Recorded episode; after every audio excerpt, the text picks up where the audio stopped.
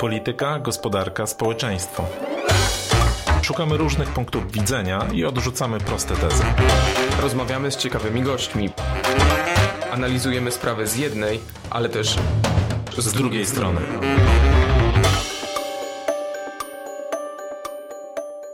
Grzegorz Osiecki.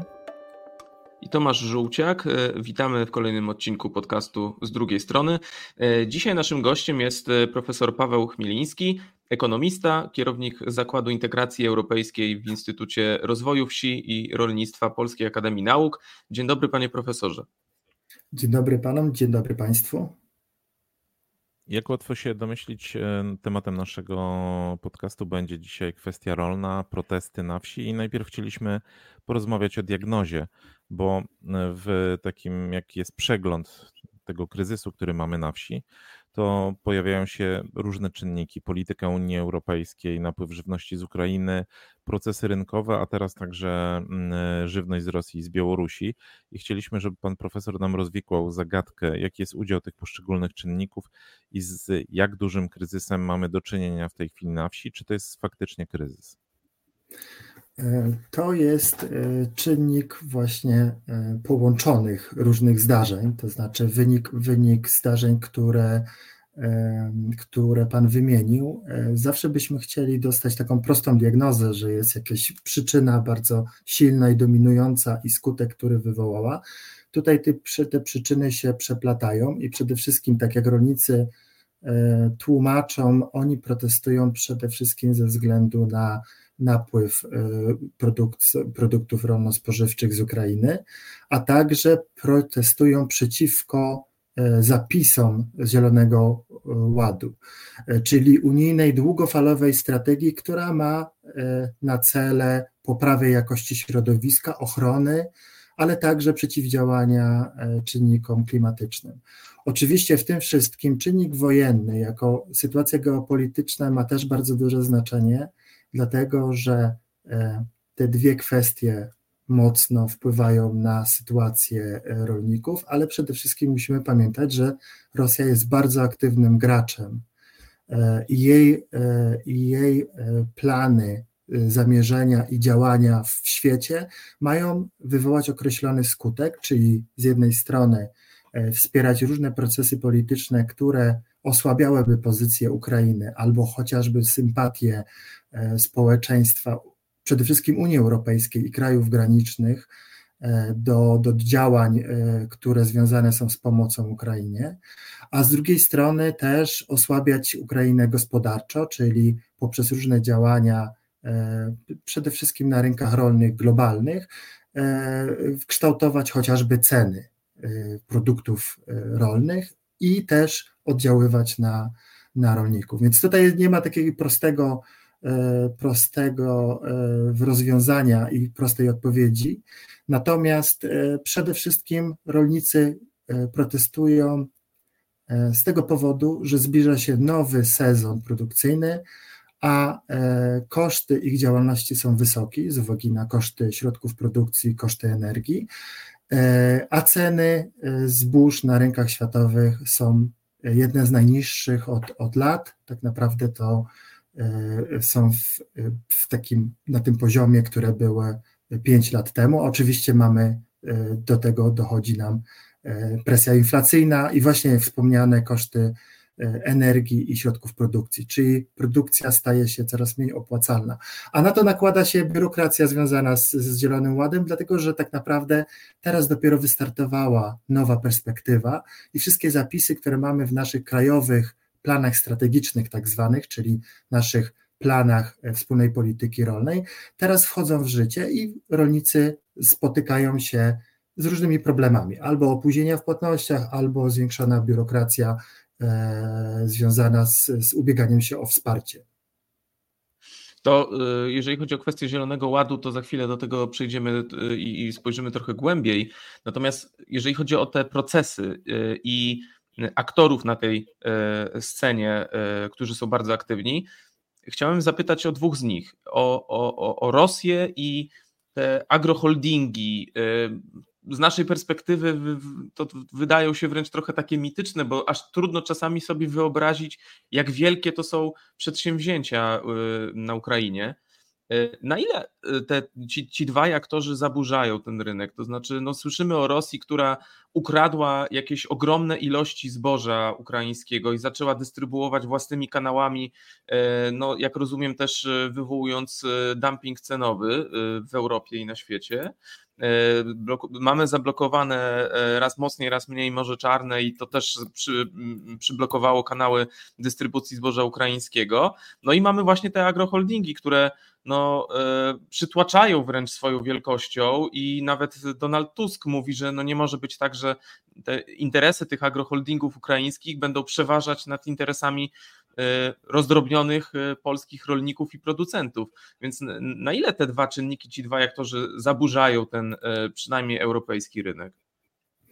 w wielkiej mierze, dlatego że, tak jak wspomniałem, Rosja prowadzi swoją politykę. Po pierwsze, Rosja e, po tym, jak e, zdobyła kontrolę nad niektórymi e, obszarami w Ukrainie, ale także przejęła dużo zbóż zgromadzonych w magazynach, zobaczyła, że to też jest świetna broń tak powiem, psychologiczno-ekonomiczna, to znaczy upłynienie tego towaru właśnie destabilizuje rynki światowe. Tak, żeby to zrozumieć, to E, należałoby sobie wyobrazić, że jest kilku wielkich producentów, największych producentów zbóż e, w świecie. Do nich e, zalicza się Brazylia, Ukraina, właśnie Rosja, Argentyna, także Australia. To są wielkie obszary, które mają dobre warunki klimatyczne do produkcji zbóż, wielkie areały, olbrzymie gospodarstwa i to oni kształtują tak naprawdę ceny światowe. E, I to jest e, i to w taki sposób, że nasze, e, nasze rolnictwo też bardzo od tych procesów zależy, czyli ceny na rynku światowym są tożsame z cenami, które mamy u nas w Polsce. Różnica może wynikać pomiędzy giełdową, czyli taką ceną światową zbóż i, i krajową, może wynikać tylko z, z kosztów transportu. I to jest jakby w długim okresie.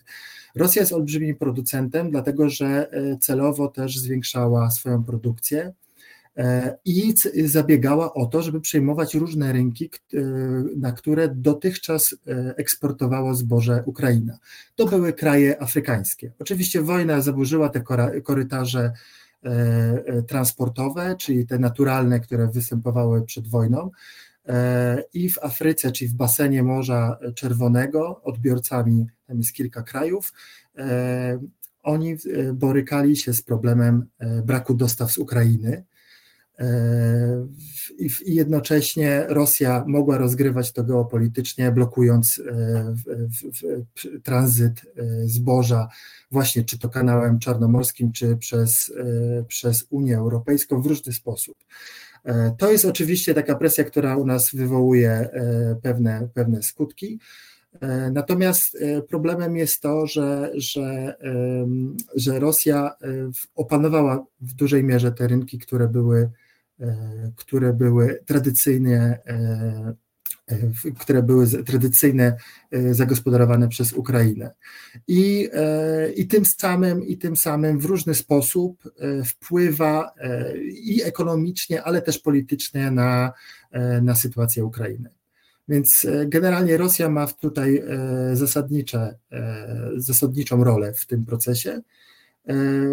A z drugiej strony, jeśli chodzi o agroholdingi, no to sytuacja przedstawia się zupełnie inaczej, bo, bo to jest jakby część struktury e, w, w, w, produkcji rolnej w Ukrainie. I jeżeli sobie weźmiemy Ukrainę e, i strukturę gospodarstw, to e, jest ona podzielona mniej więcej na dwie części. Jedna część to są indywidualne gospodarstwa rolne, trochę jak u nas i w Unii Europejskiej, natomiast te indywidualne gospodarstwa rolne są, są dosyć, dosyć ważne dla bezpieczeństwa żywnościowego Ukrainy. One mają od pół do 100, do 100 hektarów i e, zajmują około, e, około 5 milionów hektarów ziemi, a gdy weźmiemy powierzchnię 10 największych agroholdingów, e, to są dane z 2022 roku, to one zajmują łącznie 10 agroholdingów, zajmują powierzchnię 3 milionów hektarów. Czyli to są olbrzymie, nowoczesne gospodarstwa, które e, w których e, dominującą rolę ma kapitał e, zagraniczny. Są one niezwykle wydajne i świetnie zorganizowane. To są bardzo dobrze działające w stylu zachodnim e, przedsiębiorstwa rolne, które dodatkowo gospodarują na czarnoziemach, co powoduje, że są bardzo wydajne. E, no i tutaj, jeżeli chodzi o sprawę Ukrainy, no to dylemat polega na tym, jaka jest rola tych agroholdingów, po pierwsze, w gospodarce Ukrainy, e, ponieważ mówi się, że właściciele tych agroholdingów mieszkają poza Ukrainą, albo te agroholdingi są e, rejestrowane chociażby na Cyprze. To jest jeszcze uogólnienie oczywiście, bo ta, ta sytuacja wymaga dodatkowej analizy, a jest problem chociażby z danymi z Ukrainy, więc trzeba to też rozpatrywać dosyć e, ostrożnie, bo ta sprawa powinna być e, najprawdopodobniej jeszcze zgłębiona. I z drugiej strony jest sektor gospodarstw, które produkują na rynek lokalny i na samozaopatrzenie, czyli to są rolnicy w takim rozumieniu, jak u nas dotychczas widzieliśmy, ci, ci, którzy produkują dla siebie i na rynek lokalny. No i to są te dwie grupy, które, które w, w, w, pokazują, jaki jest obraz e, rolnictwa Ukrainy. Przy czym agroholdingi e, zawsze mają cel ekonomiczny. I drugi wymiar tej analizy tego problemu jest, na ile agroholdingi e, sprzyjają i jaki mają udział w, właśnie w gospodarce samej Ukrainy, czyli na ile pomoc tym agroholdingom jest pomocą tak naprawdę społeczeństwu Ukrainy, a nie grupki przedsiębiorców, olbrzymich przedsiębiorców rolnych. A to ja chciałem zapytać w takim razie, mm, jakbyś mogli, bo Pan pokazał strukturę tego rolnictwa na Ukrainie, ale jaką wagę w porównaniu do rynku polskiego czy do rynku unijnego ma to, co produkuje Ukraina? Jak to wpływa na sytuację rynkową w tej chwili? Polsce. Właśnie, i to jest, to jest bardzo dobre pytanie, dlatego że e, e, warto sobie uzmysłowić, jaka jest w ogóle produkcja zbóż e, w świecie. Światowa e, e, produkcja zbóż to jest blisko 800 milionów ton. E, Unia Europejska produkuje blisko 300 milionów ton. Jako cały obszar Unii Europejskiej, dlatego że mamy bardzo intensywne chociażby rolnictwo, oczywiście obłożone wieloma obostrzeniami jakościowymi, natomiast jest to, jest to wydajne rolnictwo. Ukraina produkuje około 80 milionów, z czego 30 milionów eksportuje, 30 milionów ton. To było właśnie e, często poruszane, bo, bo, bo te 30 milionów ton w warunkach problemu, e, jakby kryzysu wojennego, zawsze było problemem, jak to sprawnie e, wyeksportować. Wcześniej było to eksportowane statkami przez właśnie Morze Czarne, E, e, no ale oczywiście sąsiadem Ukrainy tam i, i, dużą rolę odgrywa Rosja, więc ten kanał był bardzo problemowy. Ale dla porównania Polska, bo mówimy o e, eksporcie Ukrainy na poziomie 30 milionów ton, 50 milionów ogólnie towarów rolno-spożywczych. Polska produkuje 27 milionów ton zbóż, i do tego 7 milionów ton kukurydzy, czyli razem 34. Jak zobaczymy sobie tę perspektywę, to nie mówimy o jakiejś olbrzymiej produkcji ze strony e, Ukrainy. E, więc e, teoretycznie w, w, w, w układzie światowym, no, Ukraina e, produkuje blisko 10% całej światowej produkcji. Natomiast jeżeli popatrzymy, ile zużywa na rynku własnym, lokalnym, a ile eksportuje, i porównamy to do Polski, to nie są jakieś olbrzymie ilości. I tutaj problem, od razu możemy powiedzieć, przejść do tego problemu, który dotyka naszych rolników, bo problemem jest kilka no, mówi się 4 miliony ton eksportowanych, e, które przyjechało z Ukrainy e, do, na, na rynek europejski i, i że to mocno za, zakłóca równowagę na rynku.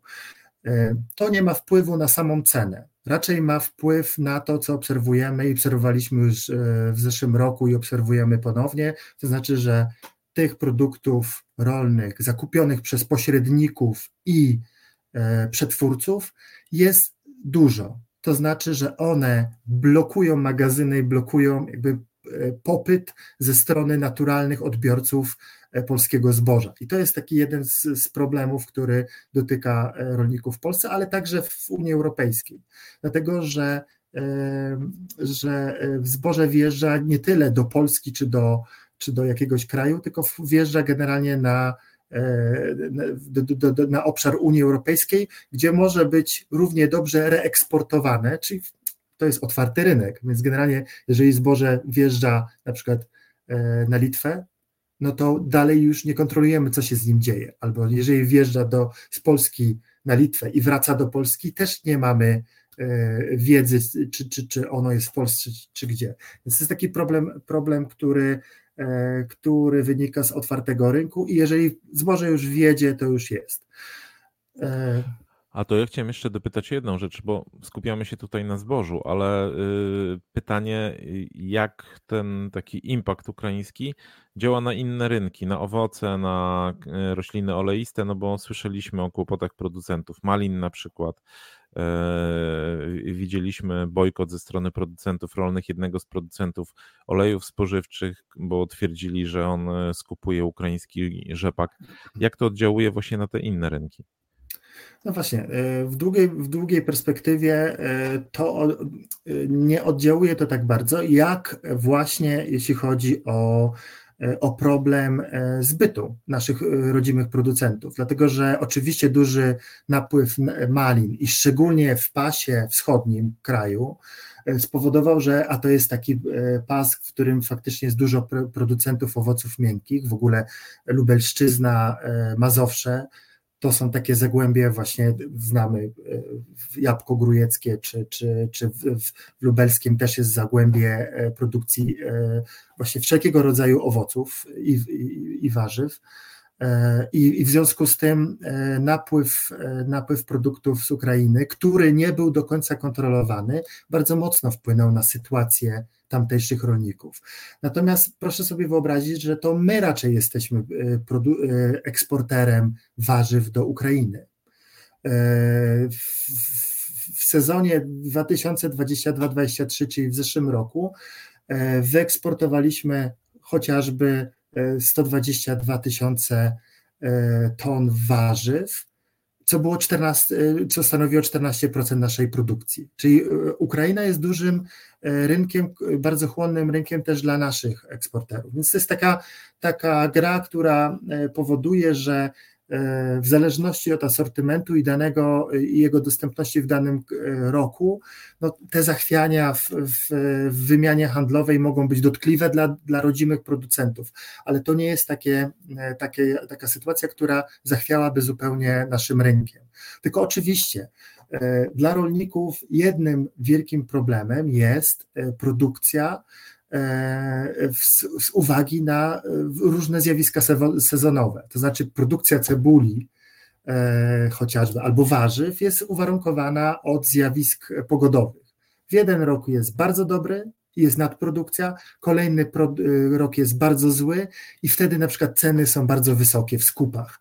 I wtedy rolnicy, którzy mają tą produkcję zachowaną, więcej zarabiają. Jeżeli jest nadprodukcja i przychodzi, e, wpływa towar z Ukrainy, który może powinien być w pewien sposób kontrolowany, blokowany albo jakoś ukierunkowywany, to wtedy dla tych rolników jest to problem i ja się nie dziwię, że oni e, protestują. Dobrze, to teraz przejdźmy do mm, części dotyczącej tego hasła, które dziś budzi takie emocje, czyli Zielony Ład, unijny Zielony Ład. E, ja się zastanawiam, patrząc zupełnie z boku i zupełnie w roli laika, dlaczego to się dzieje teraz i dlaczego dopiero teraz budzi to takie emocje. I tutaj chodzi o dwie kwestie. To znaczy, słyszę ministra mm, rolnictwa, pana Sikierskiego, że Zielony Ład był przyjmowany właściwie dwa lata temu. Są, są zarzuty kierowane w stronę unijnego komisarza, pana Wojciechowskiego, że, y, że swego czasu nawet klipy kręcił y, wychwalające Zielony Ład. No teraz wiemy, że to, to, to zdanie dość mocno zmienił, ale nie jest to sprawa, która wybuchła nagle tu i teraz. Więc pytanie co takiego się stało przez te dwa lata, że dzisiaj wszyscy mówimy o Zielonym Ładzie, a kiedy on się wykuwał tak naprawdę, no to mam wrażenie, że to był taki temat e, mm, dosyć hermetyczny, e, jeżeli chodzi o taką generalną no, opinię publiczną, tak to nazwijmy. E, a druga mhm. rzecz, czy to jest dobry moment na wdrażanie takiej rewolucji? Bo to nawet politycy koalicji obywatelskiej, przecież chyba jednej z bardziej prounijnych formacji w tym kraju, no że z jednej strony próbuje się dokręcać śrubę europejskim rolnikom, a przecież produkują y, jednak żywność bardzo wysokiej jakości na tle, na tle świata, e, a z drugiej strony no, bardzo wykazywane jest liberalne podejście, jeżeli chodzi właśnie o to na przykład zboże ukraińskie, które e, jest gorszej jakości, więc e, co to jest ten Zielony Ład i dlaczego teraz to się dzieje? Co, co, co budzi te emocje? E, dziękuję. To jest bardzo fajne pytanie, dlatego że jakby to, to jest wielostopniowe pytanie. Dlatego, że najpierw zaczniemy od tej e, jakości. Jakość żywności wpływającej na rynek e, Unii Europejskiej musi być podobna. I tu bardziej chodzi, jeśli chodzi o wymogi Zielonego Ładu, to nie tyle jakość produkcji, bo agroholdingi ukraińskie też produkują e, zboża o wysokiej jakości. To nie jest tak, że, że oni sobie produkują pewne zboże, które nazywają techniczne. To, to określenie powstało w Polsce właśnie po to, żeby, żeby nazwać zboże, które nie zostało przebadane, bo tak naprawdę to pewnie wy, wymagałoby potwierdzenia, że to jest wysokiej jakości, żeby bez, bez, bezsprzecznie powiedzieć, że to jest zboże, które jest porównywalne z, z, z, ze zbożem E, europejskim. Natomiast proszę wyobrazić sobie, że każdy producent żywności, który zakupuje takie zboże, to musi je zbadać, bo e, jakby ryzykuje swoją renomę, więc nie kupuje od, z Ukrainy e, żadnych, żadnego surowca, który nie spełniałby określonych norm, dlatego że potem, jeżeli je przetworzy, no to wtedy i zostanie to wykazane, jakieś naruszenie norm w produktach żywnościowych, no to może to przyczynić się nawet do jego bankructwa. Więc generalnie jest tak, że, że jeśli chodzi o jakość, to jest jedna sprawa. E, Zielony Ład wpływa na technologię produkcji, to znaczy na praktyki rolnicze, które mają być mają być zasobooszczędne, czyli mają oszczędzać wodę i zasoby naturalne, a z drugiej strony chronić środowisko, glebę e, i klimat, i przeciwdziałać zmianom klimatu, czyli z tym związane są różne normy, jeśli chodzi i działania, jeśli chodzi o emisję gazów cieplarnianych, chociażby dwutlenku węgla, azotu, metanu i tak. Więc, e, więc to jest jakby w, w, w gestii wyjaśnienia, e, w którą stronę e, jest kierowany i na czym polega Zielony Ład jako długofalowa, długofalowa strategia rozwoju Unii Europejskiej. Zielony Ład był projektowany przez ostatnie pięć lat jak nic. E, w 2019 roku on został ogłoszony. Potem zostały e, przy, przygotowywane jego zapisy. E, następnie to powstało jako bardzo ambitna strategia, tak jak wykonawcza, i to jest na przykład strategia od pola do stołu, która ma szereg swoich założeń, ale generalnie Zielony Ład ma pokazywać, w jakim kierunku gospodarka unijna i gospodarka e, rolna e, będzie postępowała w perspektywie do 2050 roku. I tutaj właśnie chodzi o to, żeby ograniczyć emisję e, gazów cieplarnianych, właśnie nie zużywać zasobów tych nieodnawialnych, czyli zasobów naturalnych, a żeby, żeby, żeby też zamieniać paliwa kopalne na, na, na zielone. E, a, a jednocześnie zapewnić rozwój e, gospodarczy. Więc Zielony Ład został, został e, wdrożony, a jego zapisy mają swoje odzwierciedlenie w tym, co nazywaliśmy do tej pory programem rozwoju obszarów wiejskich, a teraz to się nazywa Plan Strategiczny Wspólnej Polityki Rolnej, czyli nasze krajowe zapisy na podstawie których kierujemy duże wsparcie dla rolnictwa. Wsparcie dla rolnictwa w tej w latach 2023, 27, 29 to jest 80 miliardów.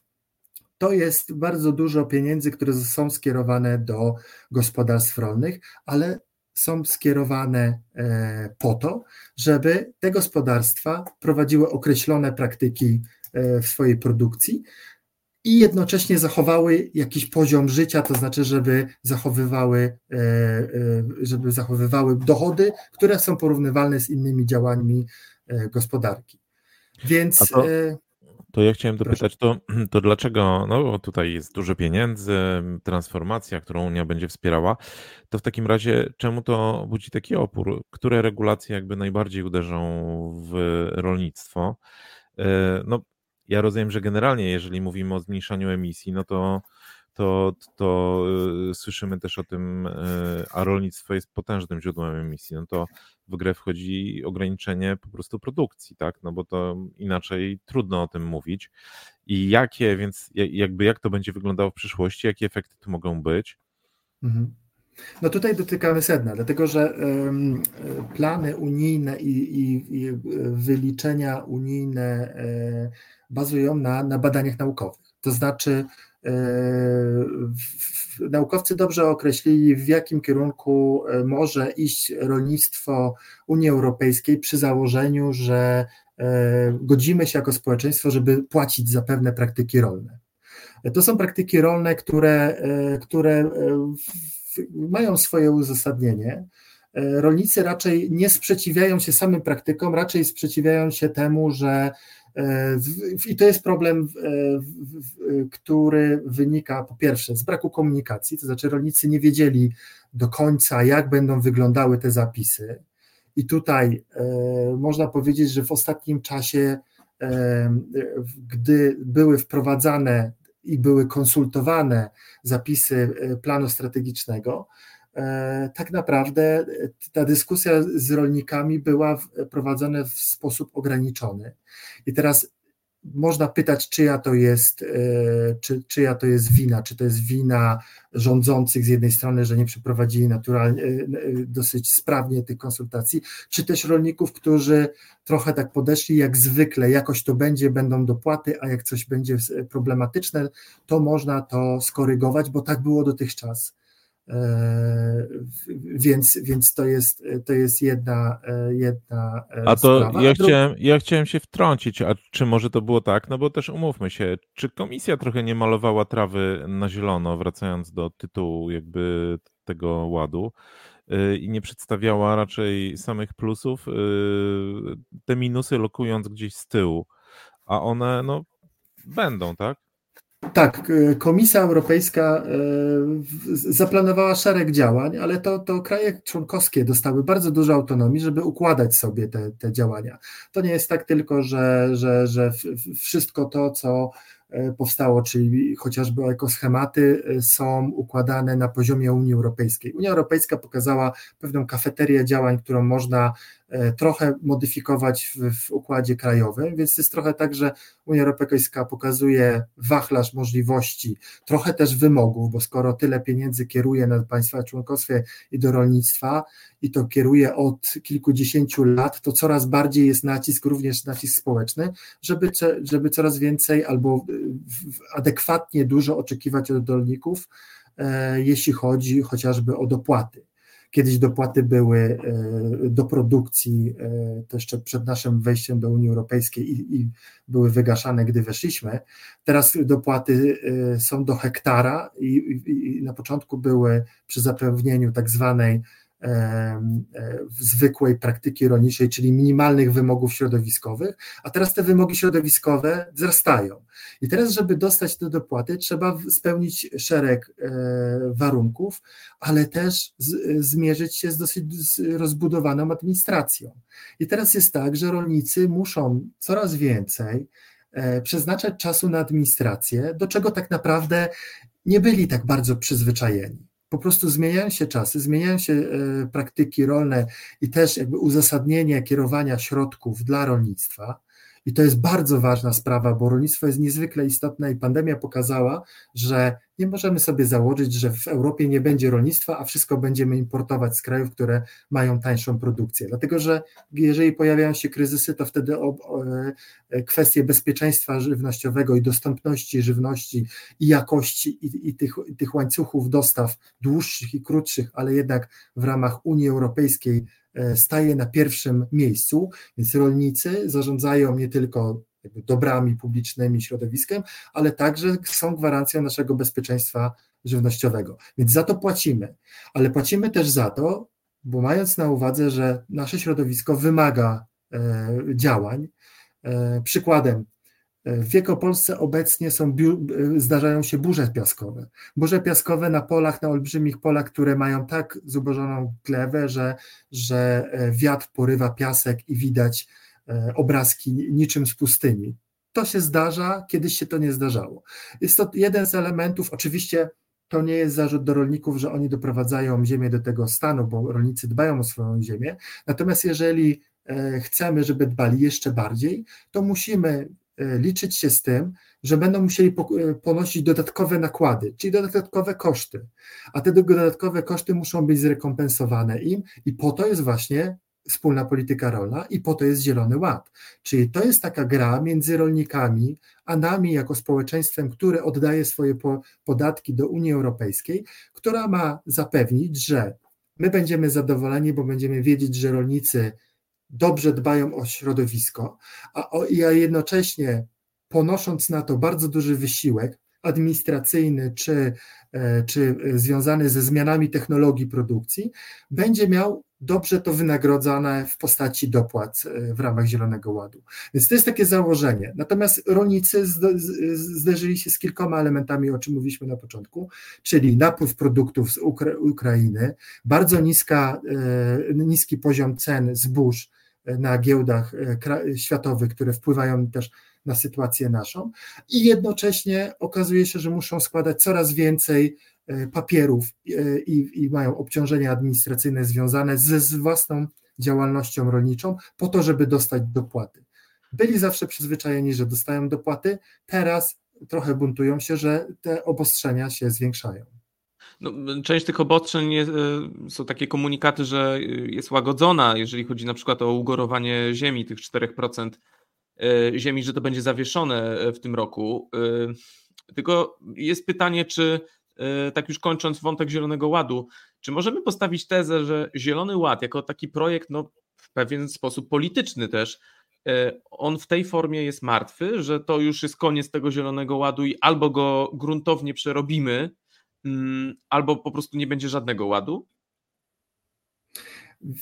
To jest takie pytanie e, trochę natury też politycznej, dlatego że jak sobie obserwujemy obecne protesty, to one są w bardzo ciężkim czasie, dlatego że za chwilę będą wybory do Europarlamentu i może być tak, że jeżeli na protestach będą pojawiać się i będą wygrywać i zyskiwać popularność e, takie dosyć radykalne partie, to one mogą mieć zwiększony głos e, w Europarlamencie i wtedy to będzie koniec Zielonego Ładu, tylko nie wiadomo, co będzie w zamian. Bo jako naukowiec i bazując nie tylko na własnej wiedzy, ale na, na, na, na, doświadczeniu wielu ośrodków naukowych w Polsce i w Europie, mogę powiedzieć, że Zielony Ład jest nam niezbędny. Jest to kierunek, który musimy wdrożyć, dlatego że za kilkadziesiąt lat dla kolejnego pokolenia, e, które nam dorasta, czyli dla naszych dzieci, E, warunki funkcjonowania mogą być całkiem nieznośne. I to nie chodzi o zmianę klimatyczną i że gdzie będzie gorąco czy nie, tylko chodzi o to, że w pewnym momencie zasoby, na których gospodarujemy, się wyczerpią albo je zanieczyścimy, albo je zużyjemy w taki sposób, że rosnąca populacja świata będzie miała problemy z wyżywieniem. Więc Zielony Ład jest bardzo potrzebny. E, kwestia jest tego, i to jest następny element, który jest bardzo ciekawy. Proszę zobaczyć, że rolnicy to też nie jest ta sama grupa, która była 30 lat temu. To są bardzo nowocześni przedsiębiorcy. Może to na protestach tak to nie wygląda, ale oni doskonale znają się e, na, na, na gospodarowaniu, bardzo dobrze liczą e, swoje koszty e, i zyski, z produkcji i tak naprawdę są skłonni, żeby w tej, w tej grze, czyli w tej grze politycznej, która się nazywa Wspólna Polityka Rolna i Zielony Ład, zająć bardzo dobrą rolę i prowadzić dialog. Tego dialogu nie było, też dlatego, że do tej pory środowiska rolnicze nie były tak bardzo e, aktywne we współpracy z naukowcami, czy, czy, czy, e, czy z administracją publiczną, czy Komisją Europejską. E, oczywiście mają swoich przedstawicieli, ale wydaje mi się, że proces takiej edukacji rolników, tłumaczenia, czym jest zielony, świat, zielony ład, tutaj trochę zawiódł. I to jest największy, uważam, błąd Komisji Europejskiej, która wprowadziła bardzo ambitne za, zapisy, finansuje to oczywiście, natomiast nie potrafiła do końca e, przetłumaczyć, dlaczego to jest robione, że to jest właśnie ta gra, że płacimy wam za praktyki, bo nie możemy zrobić tak, że rolnicy będą mieli płacenie, płacone za nic, bo są inne sektory gospodarki, które takiego wsparcia nie dostają. Uznajemy, że rolnictwo jest fundamentem e, naszej gospodarki, bezpieczeństwa e, naszego i żywnościowego, ale także opiekuje się z racji swojej specyfiki środowiskiem e, naturalnym. Płacimy rolnikom, ale musimy z nimi prowadzić dialog, jak oni mogą kształtować swoje praktyki w taki sposób, żebyśmy my byli zadowoleni, a my jako społeczeństwo jesteśmy coraz bardziej, e, bardziej i świadomi, i bardziej mamy e, oczekiwania, a rolnicy, żeby mieli dochody. To, to tak pod koniec chcieliśmy jeszcze zahaczyć, no bo mm, rozmawialiśmy o takim, jak widać, jednak trochę węźle gordyjskim tych różnych problemów. I y, pytanie, czy ktoś będzie w stanie przeciąć ten węzeł. Mówię i o sytuacji rynkowej obecnie związanej z napływem tego zboża z Rosji, z Ukrainy, o Zielonym Ładzie. Czy y, widzieliśmy zapowiedzi w y, premiera Donalda Tuska, który mówił i o pewnych elementach korekty Zielonego Ładu, i o wprowadzeniu embargo na produkty rosyjskie czy białoruskie, ale też no, nie wykluczał jakby takich zaostrzenia warunków, w jakich e, produkty ukraińskie mogą do Europy wpływać. Mówiąc o zaostrzeniu, no mówię po prostu o zmniejszaniu ilości tych projektów. E, I teraz chciałem zapytać, które z Pana zdaniem elementy tego pakietu e, będą miały największe znaczenie i na przykład no, na ile ten zielony ład jest do, do jakiejś dekonstrukcji, do zmiany jego założeń.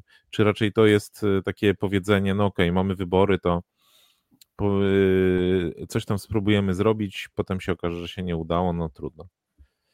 No, dziękuję. To jest bardzo też ciekawe pytanie, dlatego że znowu musimy tu zobaczyć dwie płaszczyzny. Jedna to są e, doraźne problemy rolników, te, które są tu i teraz, i oni protestują dlatego, że czują, że że mają dużo kłopotów związanych właśnie z już wspomnianymi, wspomnianymi e, cenami energii.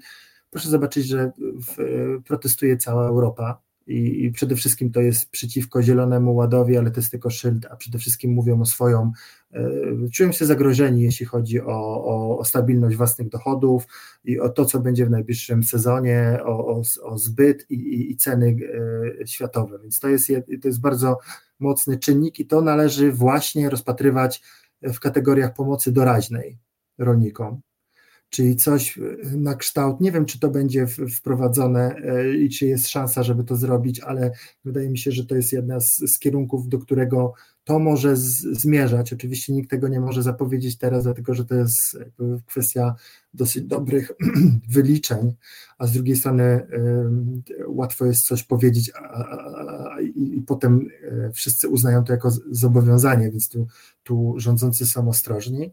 E, więc ta doraźna pomoc będzie polegała na tym, że jest tak zwana derogacja, czyli przesunięcie tego terminu chociażby ugorowania, wymogów, jeśli chodzi o stosowanie pestycydów. To jest w krótkim okresie i pewnie będzie jakaś pomoc finansowa dodatkowa dla rolników.